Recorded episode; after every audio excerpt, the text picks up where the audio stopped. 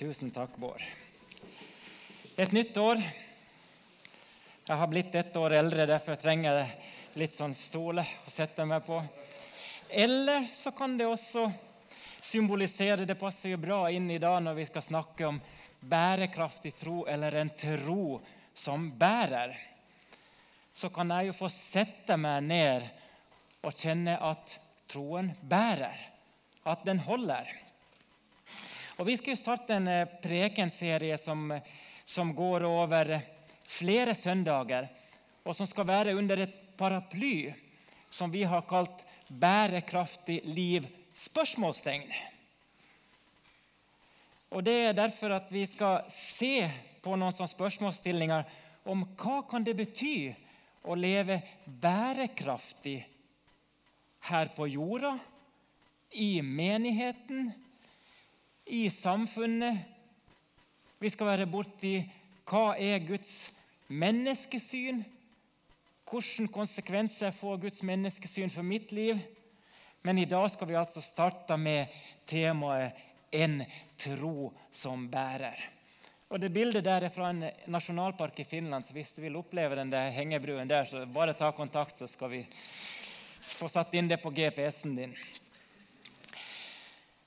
Innimellom møter du kanskje, og kanskje du sjøl har opplevd det sånn Du kanskje møter mennesker som av ulike grunner forteller at, at de har mista trua, eller at de har opplevd at trua ikke holdt, eller at det sjangler, at det vingler, som når du går på en sånn hengebru.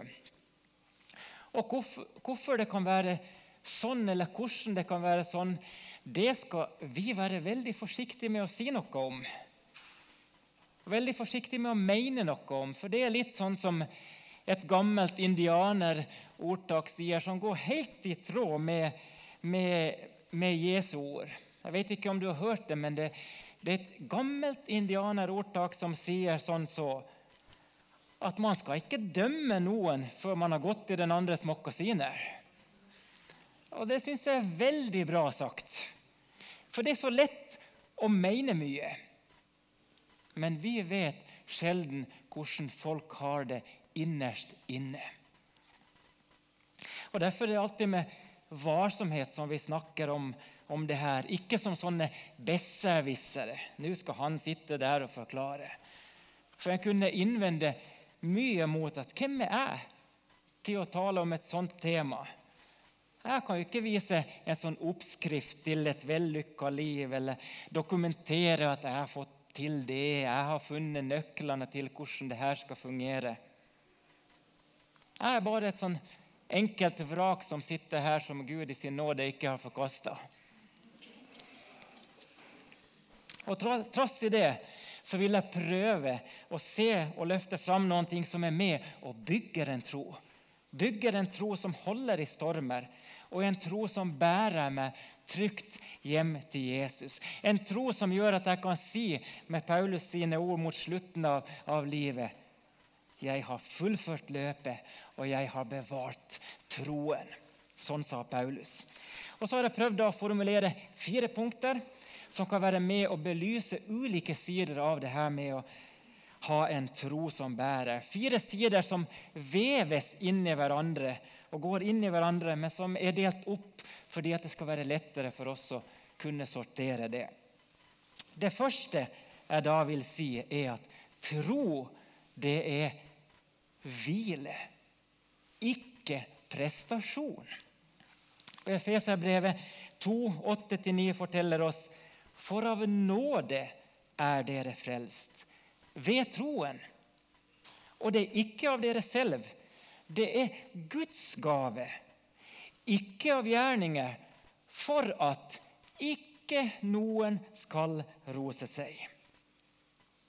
Vi blir frelst på grunn av at vi tror på hva Jesus gjorde for oss. Ikke på grunn av hva vi gjorde, eller hva vi klarer å gjøre for ham. Frelsen det, det, er noe som Gud tar helt og fullt ansvar for, og det er vår eneste mulighet å være en deltakende part er å si ja takk, Jesus. Ja takk, Jesus, jeg tar imot det som du tilbyr til meg.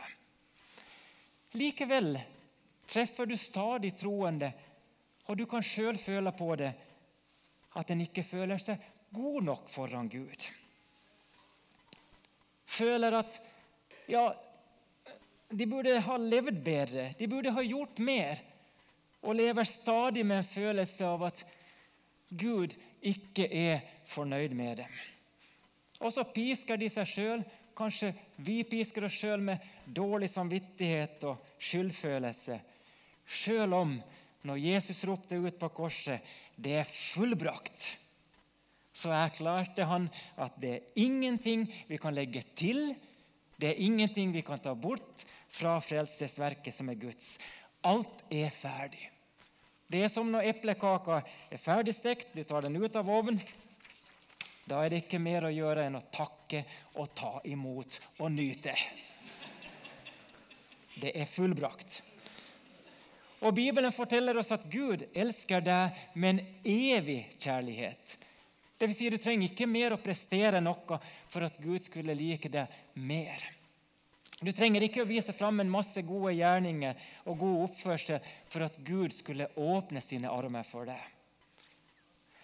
Og denne grunnholdningen den er veldig viktig når vi vil bygge en tro som bærer. For det er der som hele fundamentet er. Det er som med et hus. Om ikke grunnmuren er trygg og sikker, så vil resten av huset stå i fare enn hvor fint malt fasaden er, enn hvor fint innredet det er inne i det.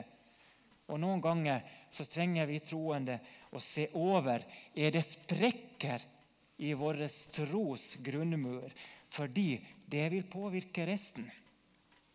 Og når da grunnmuren er i orden, da kan det bygges videre på huset. Det andre jeg vil si, er at troen er en vei. Det er ikke et mål. Å begynne å følge Jesus er å starte på en trosvandring, der livet med Jesus med tiden vil gi oss nye innsikter, nye aha-opplevelser som gjør at troen vår den vokser og den modnes. Men det er én ting som garantert gjør at vi stagnerer, og det er når vi mener at vi har skjønt alt. Når vi mener at 'nå har vi greie på alt', 'nå kan vi alt', det er sånn her som det er. Da slutter troen å vokse. Og Hør her hva Paulus skriver i Filipperbrevet 3, 12-16. Ikke slik å forstå at jeg allerede har nådd det, eller at jeg allerede er blitt fullkommen.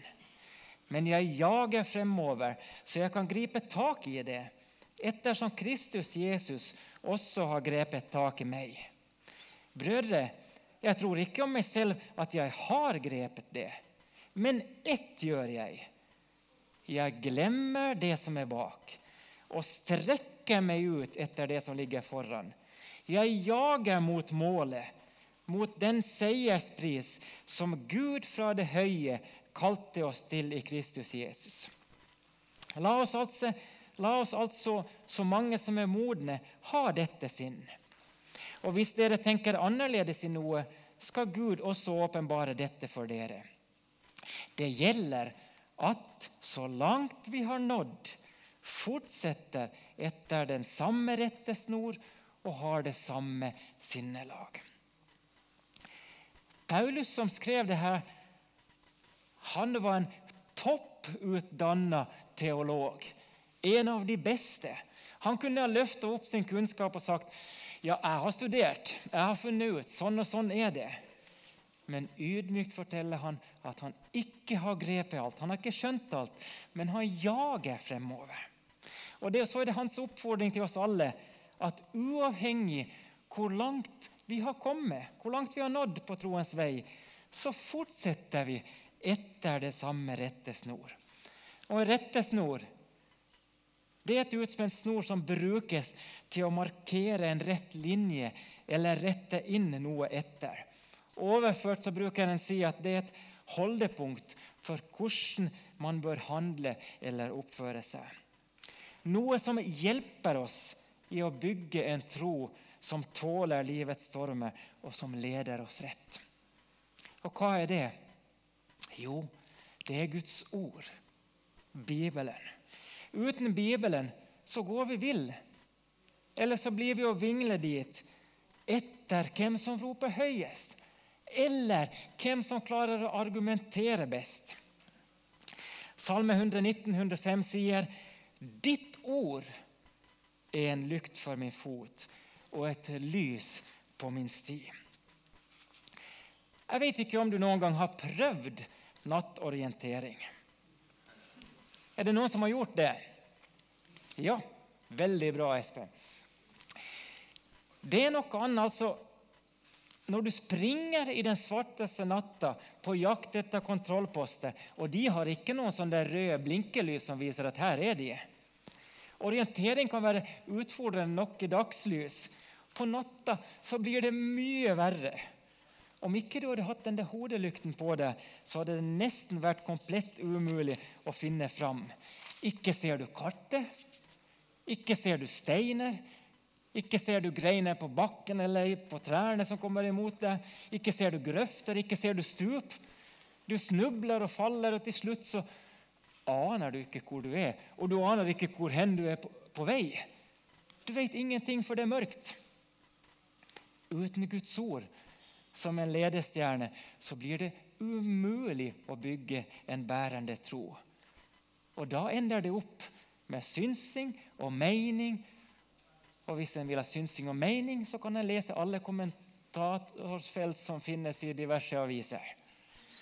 Og til slutt kan det gjøre at vi bommer på det endelige målet. Det tredje jeg vil si, er at troen den trenger næring for å vokse. Bibelen snakker om at når det er noe fra Guds ord som treffer oss, så kan det sammenlignes med et frø som blir sådd. Og Alle som har sådd et frø noen gang, om det er tomat, eller det er paprika eller det er appelsin, enn hva det er, så vet at for at frøet skal vokse, og det skal bli en plante som etter hvert også produserer noe, så trenger frøet både vann, det trenger næring og det trenger lys. Og På samme måte så er det med troen. Den trenger påfyll av ting som gjør at den bevares, og at den vokser seg sterkere. Og I Apostlenes gjerninger 2,42 så nevnes fire viktige ting. Der står det og de holdt hele tiden urokkelig fast ved apostlenes lære og ved samfunnet, ved brødsbrytelsen og ved bønnene. Og på svensk selv om ikke alle syns det er så mye bra som kommer fra Sverige, så jeg vet det er sånn i Norge. Så bruker å snakke om de fire b-ene. Bibelen, brødregemenskapen, brødsbrytelsen og bønerne. Og Guds ord har vi allerede nevnt. Og det er ikke alltid mengden av Guds ord som er det avgjørende, men at det vi leser, får gjort noe med oss. De gamle kirkefedrene de nevnte flere ganger viktigheten av å lese sakte. Ta god tid. De kalte det lectio divina, guddommelig lesing. Og det mener de å gjøre som kua. Drøvtygge. Har du sett noe som er så fredfylt som å se på en ku som står der? Der er det ro. Der er det fred. Hva gjør kua? Jo, den tygger. Den svelger. Så tar den opp litt igjen og tygger en gang til. Svelger og Sånn holder den på. Sånn går dagene. Ta god tid og bær heller med deg et vers gjennom hele dagen som får bli en del av ditt liv, enn at du leser to kapitler skal jeg lese hver dag, og så husker du ingenting og ingenting rører ved det. Det andre var brødregemenskapen, dvs. Si fellesskapet med de troende. Vi trenger hverandre. Vi trenger hverandre til trøst, til oppbyggelse, til veiledning, til støtte. Bare prøv hjemme å sette inn bare én vedkubbe i ovnen. Ja, det er mulig du får fyr, men den brenner ikke særlig lenge. Sett inn flere sammen, og det både brenner bedre og det gir mer varme. Fellesskapet er viktig for at troen skal bevares både varm og sunn. Og så var det brødsbrytelsen, eller nattverden, som vi har feira i dag. Og De første disiplene de var veldig nøye med å feire nattverd ofte. De gjorde det betydelig tettere og oftere enn vi gjør i dag. De så på det som et møtepunkt mellom himmel og jord, en hellig handling som styrka både troen og livet. Og Derfor var det en ting som de prioriterte. Og så var det bønene, bønnene. Bønnen er den kristnes luft, er det noen som har sagt. Og alle vet at i et rom med dårlig luft så blir du trøtt. Du blir uvel, og du sliter med å konsentrere deg etter hvert. Et kristenliv uten bønn blir det samme. Og det viktigste er ikke på hvilken måte du ber. Om du bøyer kne, om du jodler, om du står med løfte hender, eller om du går. Om du bruker Salmenes bok, om du bruker skrevne tidebønner som du leser, eller om du ber med egne ord. Det som betyr noe, er at du har en relasjon med Gud, der du både deler ditt hjerte, du er med og ber for andre, men du er også åpen for at Gud han faktisk ønsker å tale til deg når du bruker tid med ham. Og det er kanskje der som er vår største utfordring i dag i det informasjonssamfunnet som vi lever i. Å sette av uforstyrra tid med Jesus. Og Det er ikke uten grunn at Jesus ber oss om å gå inn i vårt lønnkammer når vi skal be. Et sted hvor vi kan være alene og uforstyrra av påvirkning fra andre kilder. Et sted vi ikke forstyrres av meldinger pling, eller oppdateringer på telefon. Ingen TV eller radio som spiller ut musikken, men der vi får mulighet til å være stille. Stille i en verden som oftest er full av lyd og inntrykk.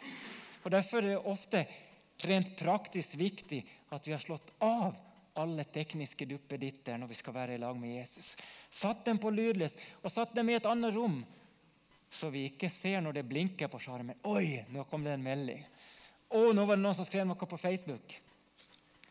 Et levende bønneliv det vil både være med og bevare din tro, og det vil hjelpe den til å vokse. Det fjerde troen den formes i praksis.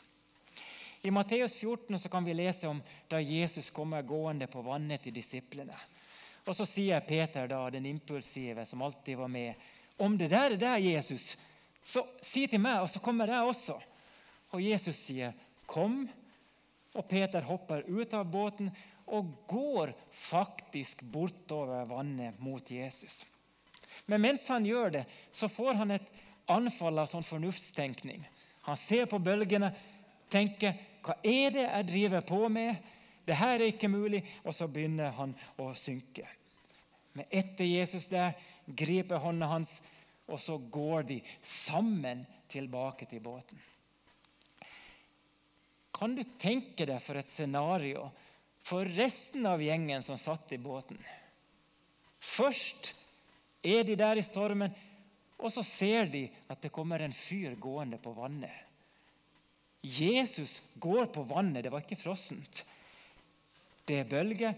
Og så inviterer han Peter med til å gå. Og Peter, den, hva tenkte han på? Hopper ut av båten. Men så går faktisk han også på vannet. Og Så begynner han å synke og holde på å drukne. Hva skjer nå? Så rykker Jesus til, tar han i hånden, og så går de begge to tilbake til båten. For et virvar av tanker det må ha liksom surra rundt i hodet i løpet av noen få sekunder. Så lenge som Peter trodde på Jesu ord og holdt øynene sine festa på Jesus, så gikk det bra. Og Kanskje det er også en lærdom for oss, selv om ikke vi skal ut og vandre over fjorden her. Men for å forme en tro som tåler storm, så er det A og O å feste øynene på Jesus. Hebreabrevet 13,3 sier, Se på Jesus, som har holdt ut en slik motsigelse fra syndere, for at dere ikke skal bli trette og motløse i deres sjeler. Det er fullt mulig å bli både trett og motløs i sjelen. Det er faktisk helt normalt. Det er en del av å være menneske. Og 99,99 ,99 av menneskene er innom det både én og to og tre og fire og fem mange ganger i løpet av livet. Livet kan kjennes både håpløst og fryktelig vanskelig. Hvordan ser du og jeg på Jesus da? Se på Jesus. Ja, det var jo kjempelett. Nå er det jo veldig forskjell i hvordan vi er skrudd sammen som mennesker, men det ligger noe i det som Thomas Sjødin sier i boken sin 'Mens du hviler'. Det er først når man, når man gjør noe, at man forstår at man burde gjøre det. Smak litt på den. Det er først når man gjør noe, at man forstår at man burde gjøre det. For meg er jeg nesten helt avhengig av min alene stund på morgenen med å lese Bibelen, be Fader vår og noen andre faste bønner som, som jeg ber. Om ikke jeg får gjort det, så blir jeg altfor opptatt av meg sjøl og min dårlige form. Denne stunden alene med Gud den gjør at noe i mitt fokus skifter. Den får meg til å løfte blikket fra meg sjøl på Jesus og på andre mennesker. Og Det betyr ikke at jeg blir et helgen av det. Og det betyr ikke at det holder hele dagen. Men om jeg ikke gjør det, så blir jeg i hvert fall enda mer kjedelig og tung å være i nærheten av. Og så trenger jeg påfyll i løpet av dagen. Kanskje jeg lytter på noen gamle salmer på YouTube mens jeg dusjer etter trening. Kanskje jeg leser litt i en andagsbok eller, eller noen gode bøker i løpet av dagen. Og vet du hva? Jeg bruker å sukke en bønn til Gud når jeg sitter alene på do. Det er det beste stedet i huset. Da er du helt alene. Alt for at troen skal få bli en del av min hverdag og forme mitt liv. Og Da kan jeg kjenne at det er troen som bærer meg. Det er ikke jeg som må bære troen og holde den oppe. Men disse gode vanene de er både med og styrker de er med å bygge, de er med å forme min tro. For en annen så er det andre vaner. Men troen den vokser ikke av seg sjøl. Et frø blir ikke en plante av seg sjøl. For troen trenges det praksis, gode vaner, faste rutiner. Og der kan din praksis være helt annerledes enn min. Før jeg ble syk, så lyttet jeg ofte til mye lovsang. Nå når jeg blir så sliten av støy, så er det noe jeg praktiserer veldig sjelden. Men jeg har funnet andre måter, andre vaner, som er med å bygge min tro.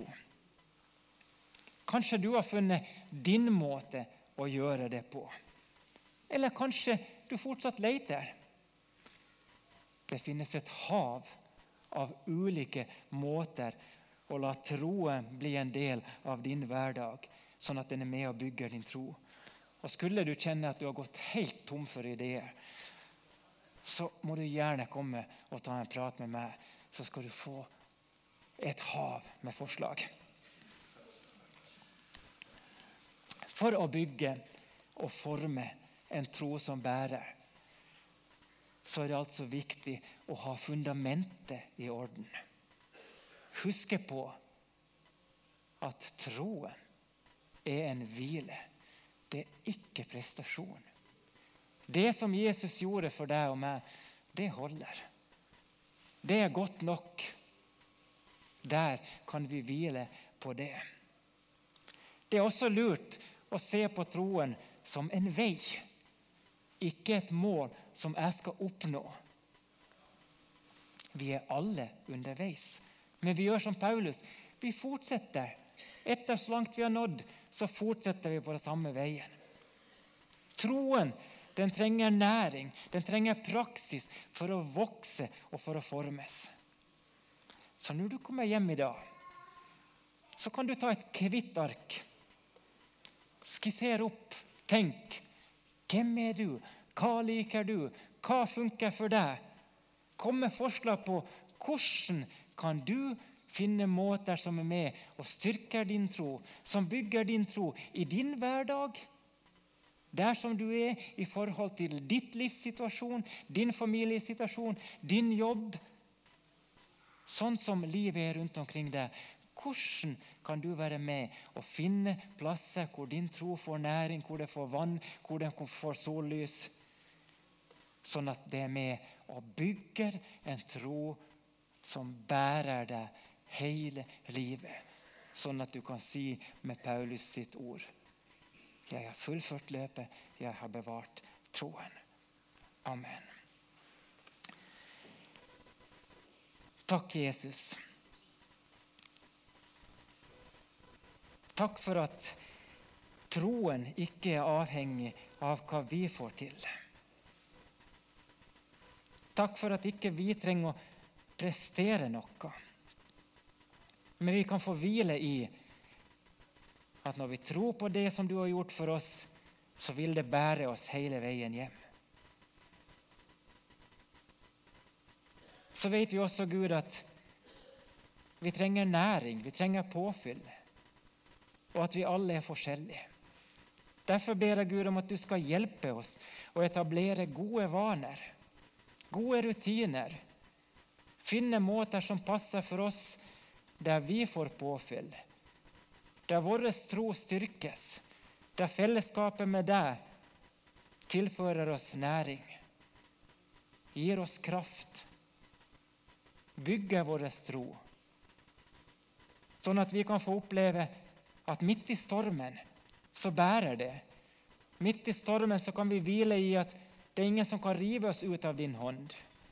Midt i stormen når vi ikke orker å be eller vi ikke orker å gjøre noe spesielt, så vet vi du bærer oss. Gud ønsker å be for hver enkelt som er her i dag. Du ser alle vårt liv. Du ser hvordan vi har det i vår hverdag. Med vår tro, våre tanker, vår tvil, våre kamper, våre utfordringer. Derfor ber jeg at du nå skal plante et frø av tanker, ideer, i hver enkelt til å være med og finne plasser hvor troen får næring.